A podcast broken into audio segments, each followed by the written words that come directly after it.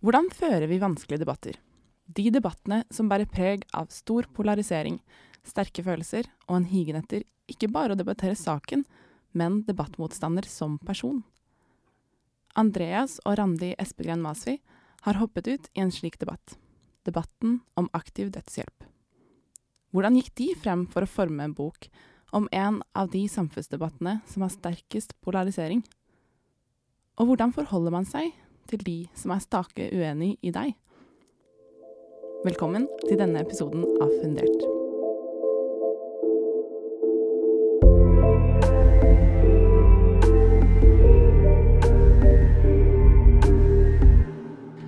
Andreas Espegren Masvi har vært engasjert i Skapkraft siden starten i 2011, og er redaktør for det nettbaserte magasinet Mensch Magazine. Randi Espegren Masvi skrev i 2017 Skapkraftrapporten 'Skaper mobbing fattigdom'.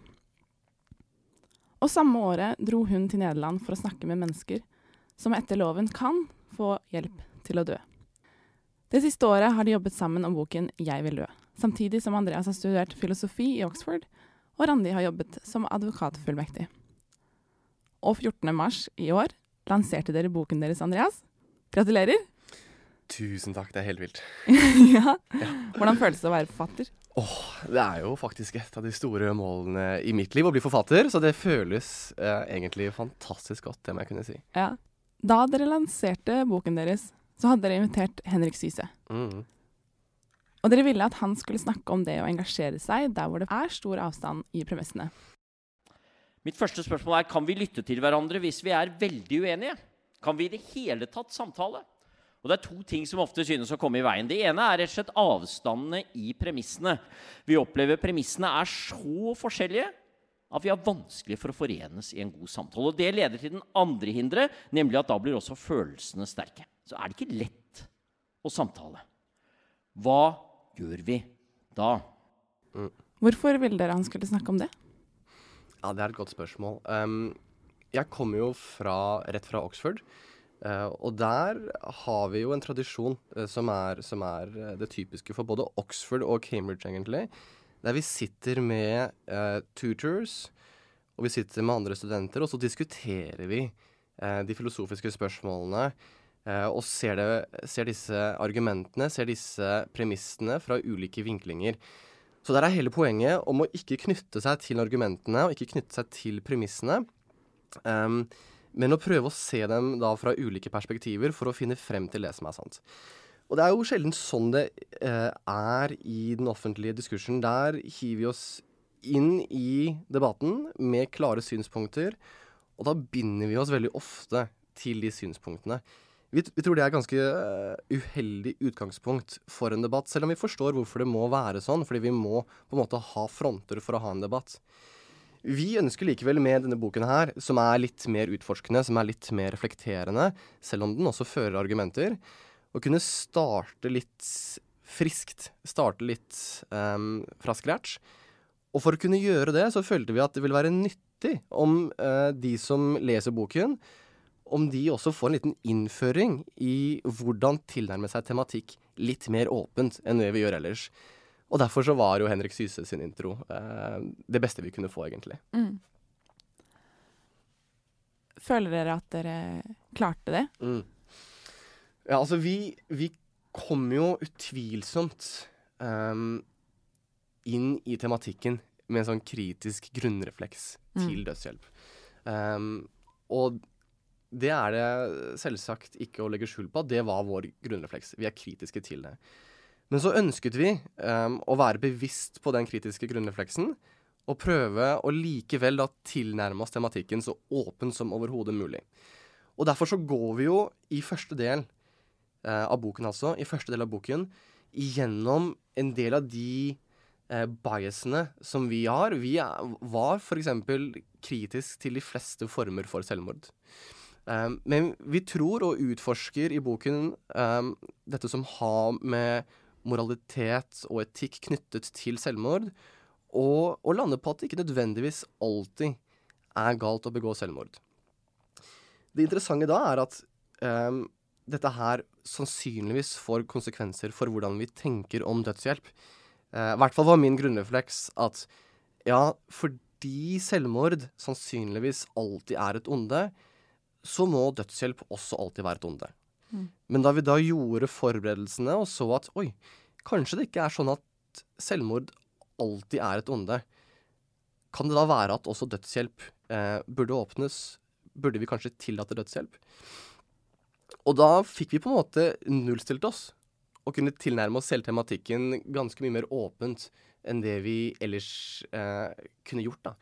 Eh, så jeg, jeg, føler at selv om vi kom med denne, gru, eh, unnskyld, denne kritiske grunnrefleksen, så uh, greide vi i stor grad, uh, gitt våre forutsetninger, å tilnærme oss materien så kritisk som mulig. Og så er jo formålet for alle er jo å uh, ta vare på de svake på best mulig vis. Mm.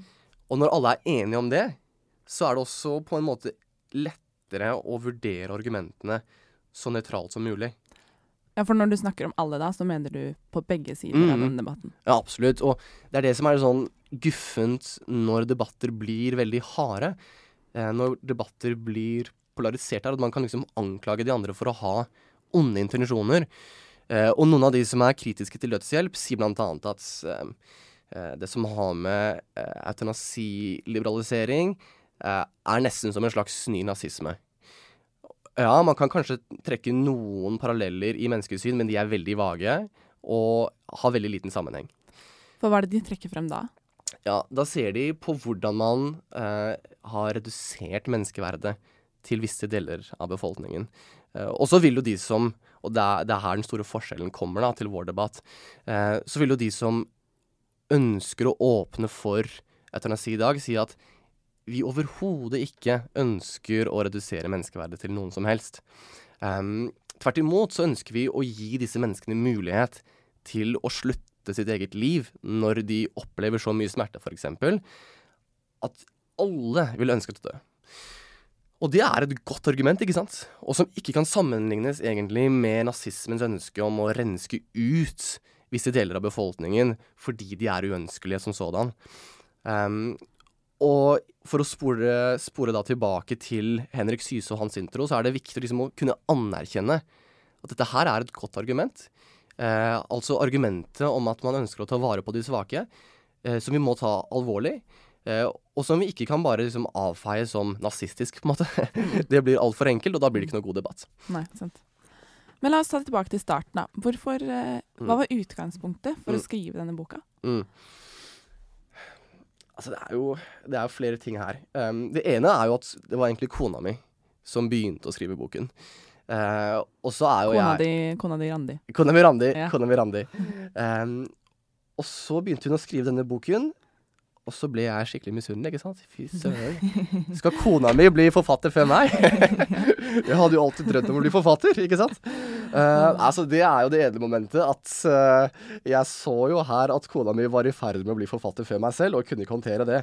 Det er den mindre sjarmerende siden uh, av, av dette svaret på hvorfor vi valgte å skrive boken.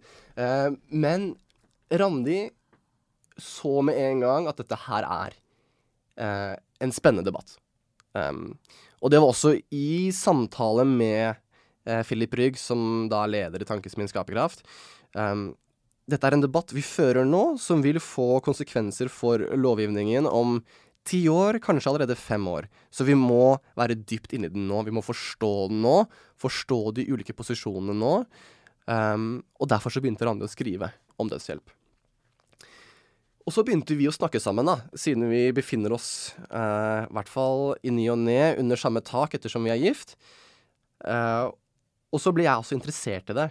Uh, jeg ble interessert i dødshjelp både fordi jeg holder på med litt etikk i Oxford og synes det er interessant som et etikkspørsmål, men vel så mye fordi man liksom tapper into samfunnsånden, og det høres litt sånn vagt og abstrakt ut, men vi snakket så vidt om menneskesynet i stad, eh, og jeg tror at dødshjelp og samtalen om dødshjelp og ønsket om å liberalisere dødshjelp eh, forteller en del interessante ting om hvordan vi forstår eh, spørsmål som handler om det å være menneske, hva et godt menneskeliv er, hva verdi er, osv. Og derfor, ved å utforske debatten om dødshjelp, utforske argumentene som føres i dødshjelpdebatten, så kan vi også forstå litt mer det som er vårt samfunn. Mm. Rett og slett. Og derfor syns jeg det er kjempeinteressant. Både i seg selv, men også det det avslører om samfunnet. da. Men dere har en ganske direkte tittel. 'Jeg vil Mm. dø'. Mm. Hvor kommer den fra? Hvor kommer den fra? Um, vi føler at tittelen fanger litt ulike ting. Og det ene er det dypt personlige ved dødsønsket. Um, jeg vil dø, ikke sant. Det er, det er ikke snakk om noen andre. Og så er jo det noe vi også kritiserer i boken. Fordi jeg er ikke isolert. Men likevel, det er jeg som vil dø. Og det kan være fordi jeg opplever lidelse, det kan være fordi jeg opplever en manglende evne til å realisere meg selv, osv. Så, Mm. så det første er det personlige. Mm. Hva mener du egentlig med uh, at 'jeg er ikke isolert'? Mm. Um, det er noe vi bruker ganske mye tid på i boken å utforske, og det er at vi i kraft av å være mennesker, i kraft av å være sosiale vesener, så er vi knyttet inn i sosiale web, sosiale nett. Og det betyr at det er veldig vanskelig å skille mine ønsker, mine lengsler, eh, selv mine behov, fra menneskene rundt meg. Så det betyr også at når samfunnet begynner å endre perspektivet på ting, begynner å endre holdninger, så vil det gjennomsyre personene rundt meg, og også meg selv. Og vi tror blant annet at det ville vært umulig å hatt dette dødsønsket, sånn som vi har det i Vesten, i en helt annen kultur. Og dette her illustrerer, og vi har et par caser hvor vi snakker om dette her, Um, fra Nederland, da, hvor eh, Randi var og samlet, eller, samlet litt fortellinger, gjorde litt, uh, gjorde litt case studies der. Felt research. Vi har samlet litt fortellinger som viser hvordan ønskene og lengslene til personene rundt oss er med og former oss. Og former våre ønsker og våre lengsler. Så derfor, selv om det er jeg som vil dø, så er det ikke egentlig bare jeg som vil dø. Det er fordi jeg er preget av mange andre. Og det former mitt syn på verden, mitt syn på meg selv, eh, og mitt syn på samfunnet, og min plass i samfunnet.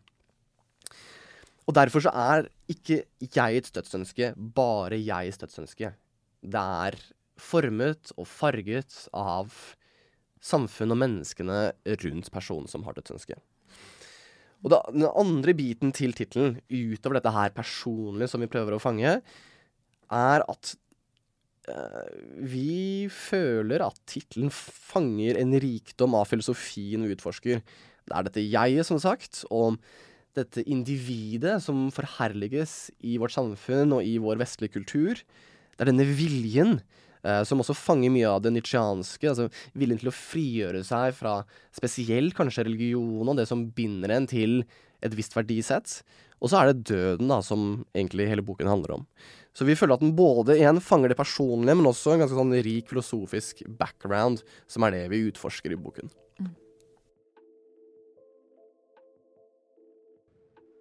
Det var på mange måter et godt tegn at L ikke oppfylte kriteriene for dødshjelp. Tross alt var det noen som anså livet hans som verdt å leve. Samtidig gjorde tanken på å fortsatt leve ham stadig sintere. Det ble klarere og klarere at han måtte dø for å frigjøre seg fra begrensningene som fulgte blindheten. L følte seg fanget i et slags mareritt. Han forsto på sett og vis hvorfor han ikke kunne tvinge legene til å gi ham dødshjelp, men det gjorde ham likevel sint at han ikke oppfylte de fordømte kriteriene. Snart begynte L å rette anklager mot kona. Hun var delaktig i det hele. Men hvordan skulle hun forholde seg til slike anklager? Klart livet hans var blitt endret, det forsto hun, selv om smertene i øyet var lindret. Hun var klar over at endringene han hadde opplevd, var smertefulle, at begrensningene var smertefulle, ettersom han ikke lenger kunne gjøre det han før gjorde. Men det hun ikke forsto, var at han bare satt der i lenestolen. Han hadde på mange måter bestemt seg for å lide. Randi har jo vært eh, i Nederland og samlet inn i fortellinger. Eh, og man snakker ofte om at denne debatten bærer preg av fortellinger. At fortellingens rolle har stor, eh, stor plass i debatten. Hva menes med det? Ja. Det er litt ulike ting vi mener med det, faktisk. Og det ene er at det er ofte at vi hører enkeltcaser som virkelig eh, får oss til å tenke med det samme Oi, vi må liberalisere dødshjelp. Og det er typisk caser som, eh, som vi kan lese i avisen. Eh, både om personer som opplever skikkelig mye lidelse, og som man tenker Oi, hadde jeg vært dem, så ville nok jeg også hatt et ønske om å dø. Um, hvorfor skal vi egentlig stoppe denne personen fra å dø, når hele livet bare er et slags fengsel, et slags mareritt av smerte? Og så er det andre caser hvor det bare er så mye psykisk smerte, da. Uh, alt er så mørkt at man får en dyp sympati med ønsket om at det er ikke verdt å leve lenger, bare fordi det er, det er så mørkt, da. Så fortellinger preger debatten. Det har det alltid gjort. Fortellinger preger debatten fordi vi har sympati. Vi er vesener som har sympati. Vi tror også at det er en dypere dimensjon som er mindre utforsket i dødshjelpsdebatten, der fortellingene er relevante. Uh, og det handler om at vi er fremmedgjort for døden. Og det er også noe vi snakker en del om og utforsker i del én. Nettopp fordi døden lenger ikke er så nær oss som det den var før. Nettopp fordi døden er satt ut til sykehusene. Nettopp fordi vi har så mye teknologi, kommet så langt, som jo er en kjempegave, egentlig. Men en negativ konsekvens av det er at vi ikke lenger er oppe i døden sånn som vi var før. Hvis vi går tilbake um, et par hundre år, ikke sant, så levde og bodde folk i flere generasjoner under samme tak, og man kunne følge en livssyklus fra uh, en person ble født, ble brakt frem i livet, vokste opp, og så døde. Man var oppi denne her prosessen, denne livsprosessen, som endte i en dødsprosess. Det er vi ikke nå lenger. Og det betyr at vi ikke har et så naturlig forhold til døden som det vi kanskje burde hatt.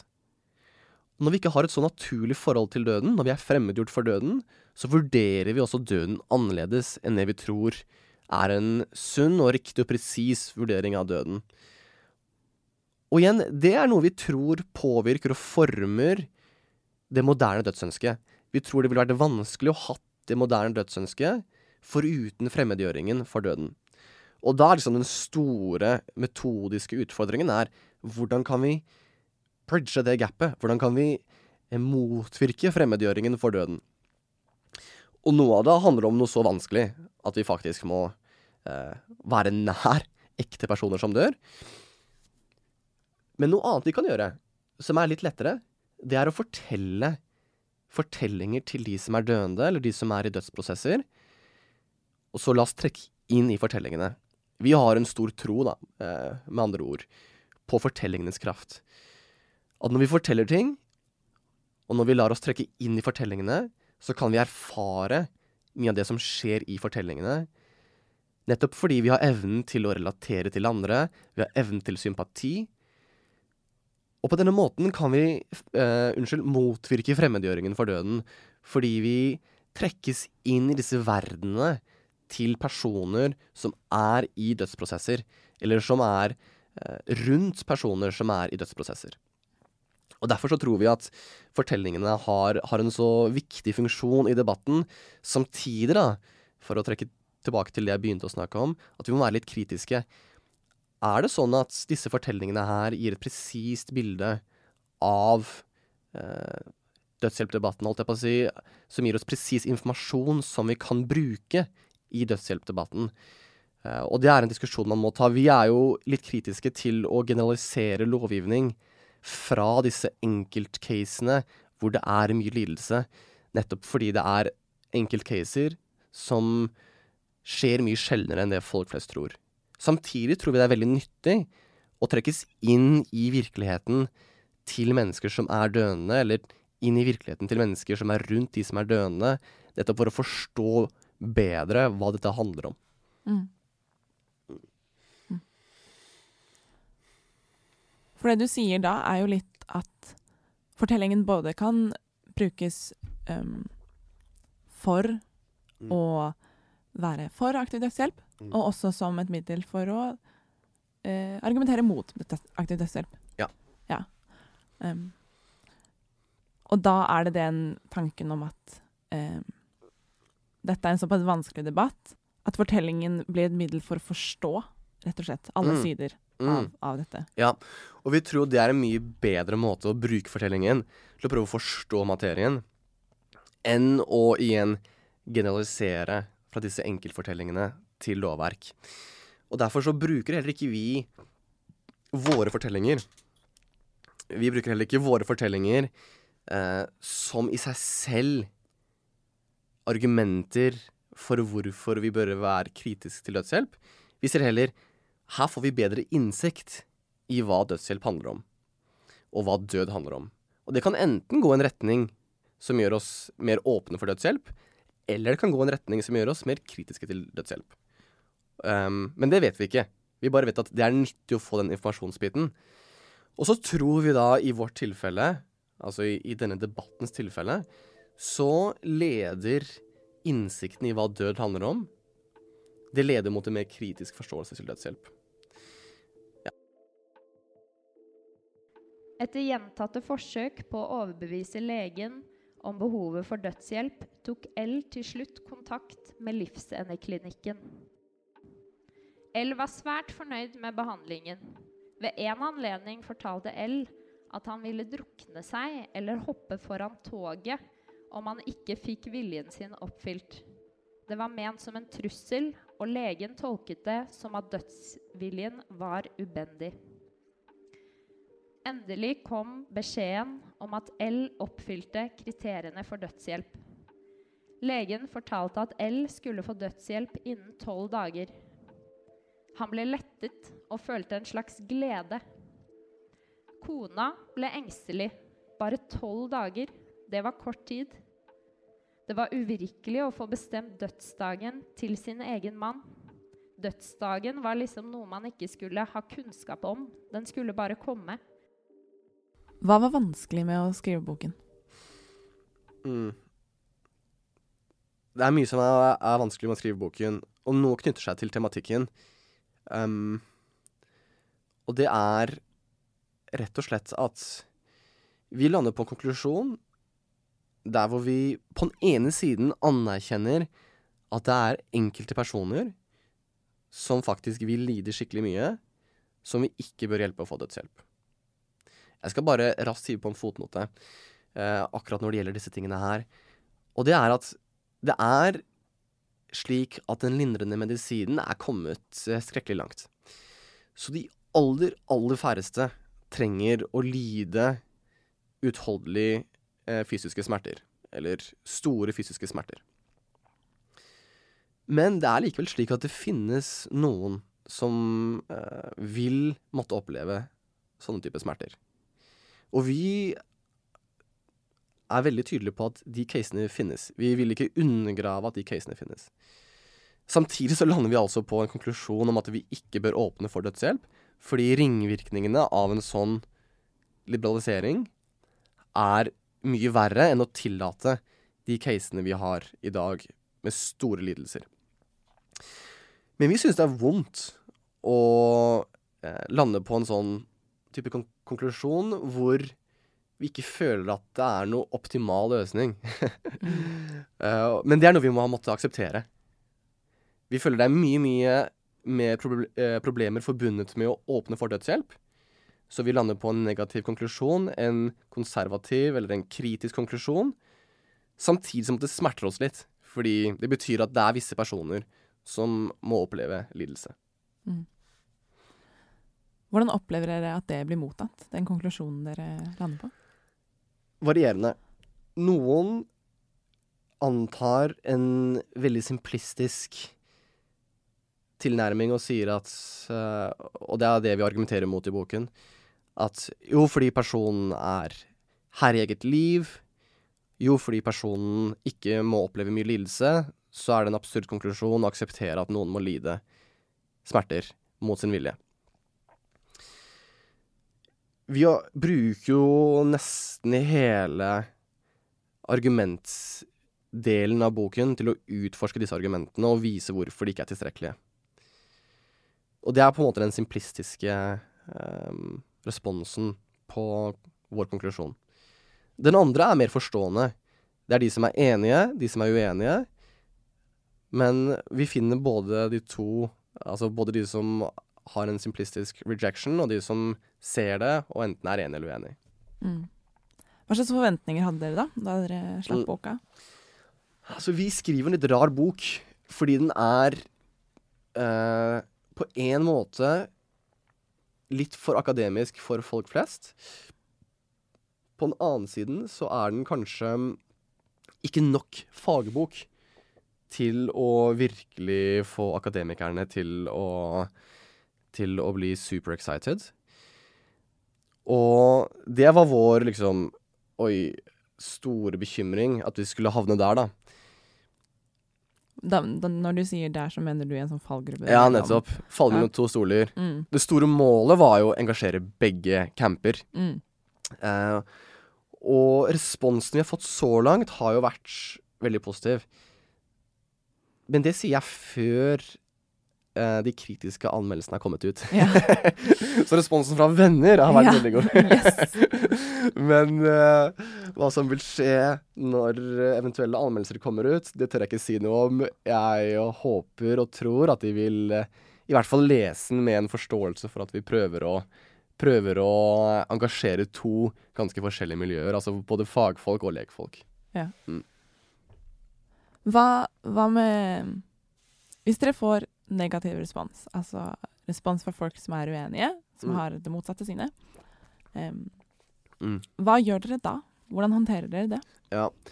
Det er to ulike responser her.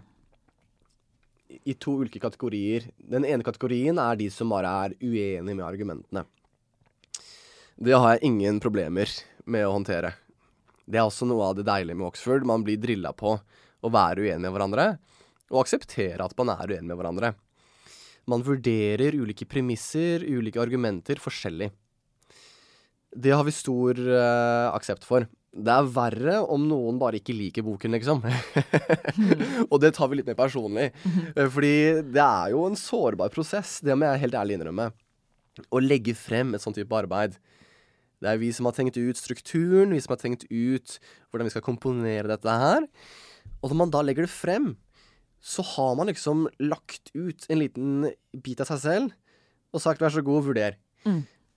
Og det er litt skummelt, det må jeg helt ærlig innrømme. Men eh, Ja, det er skummelt. Men så er det jo også på en måte det lille barnet vårt. Og folk kan synes hva de vil om det barnet vårt, men det er fortsatt vårt barn, og vi er veldig stolte over det. Så jeg vil nok bli litt sånn derre Hva skal vi si Litt snurt om eh, det kommer noen sure anmeldelser. Men eh, samtidig så er jeg der altså at det er eh, vårt barn. og du kan mene hva enn du vil, men vi er stolt over det. Ja. Så bra.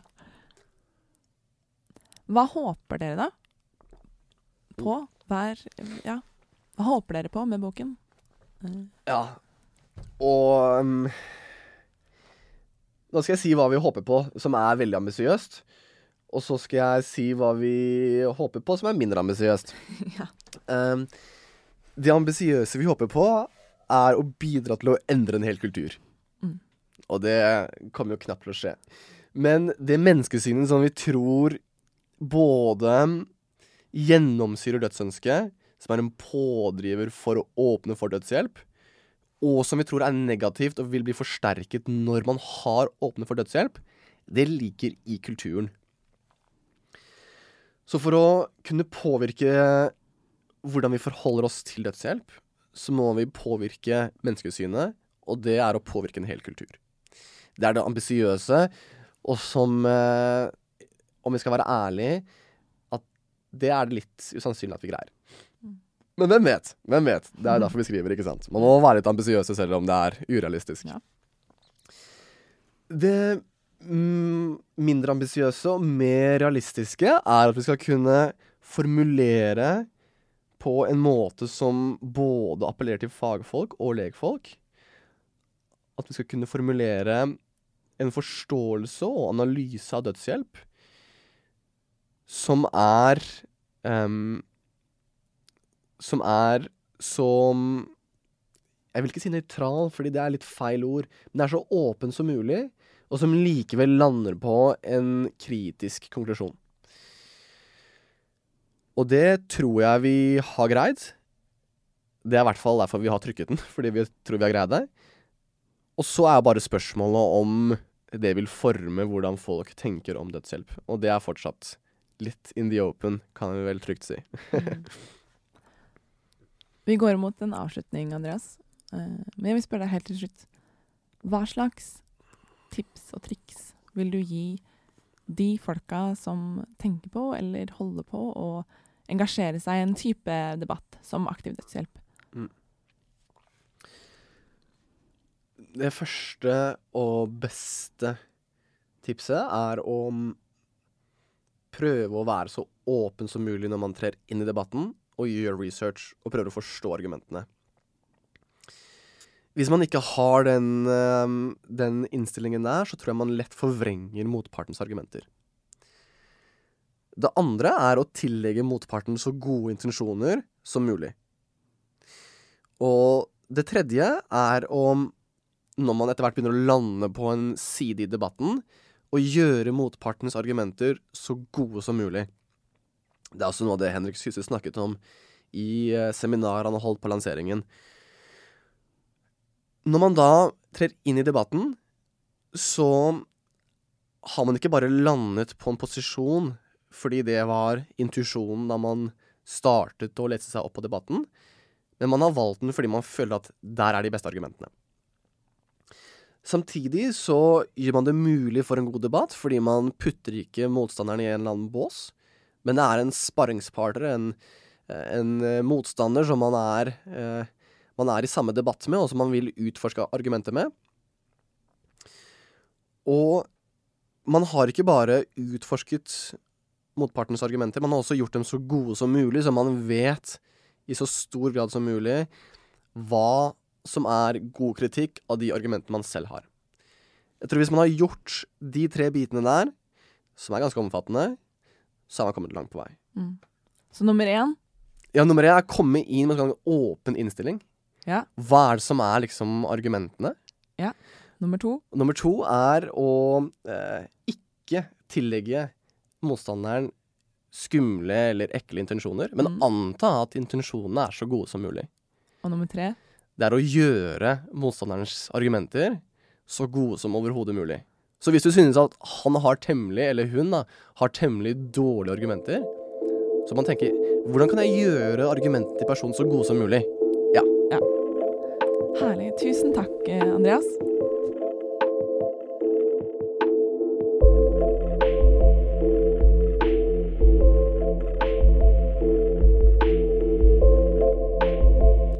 Andreas og Randis bok heter 'Jeg vil dø', et essay om dødsønske og dødshjelp. Menneskets og dets samfunn.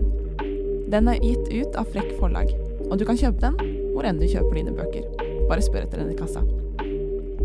Fundert lever, og vi er så takknemlige for at du har hørt denne episoden, og gleder oss til å presentere det nye vi jobber med.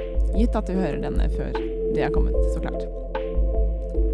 Husk å abonnere i den appen du bruker akkurat nå, for å høre på akkurat denne episoden. Følg også Skaperkraft på sosiale medier for å se mer av hva vi gjør.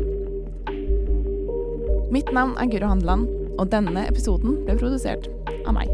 Takk til Andreas Espegren Masvi, Randi Espegren Masvi, Henrik Syse og rett, resten av Fundert og Skaperkraftgjengen for deltakelse, støtte og idémyldring.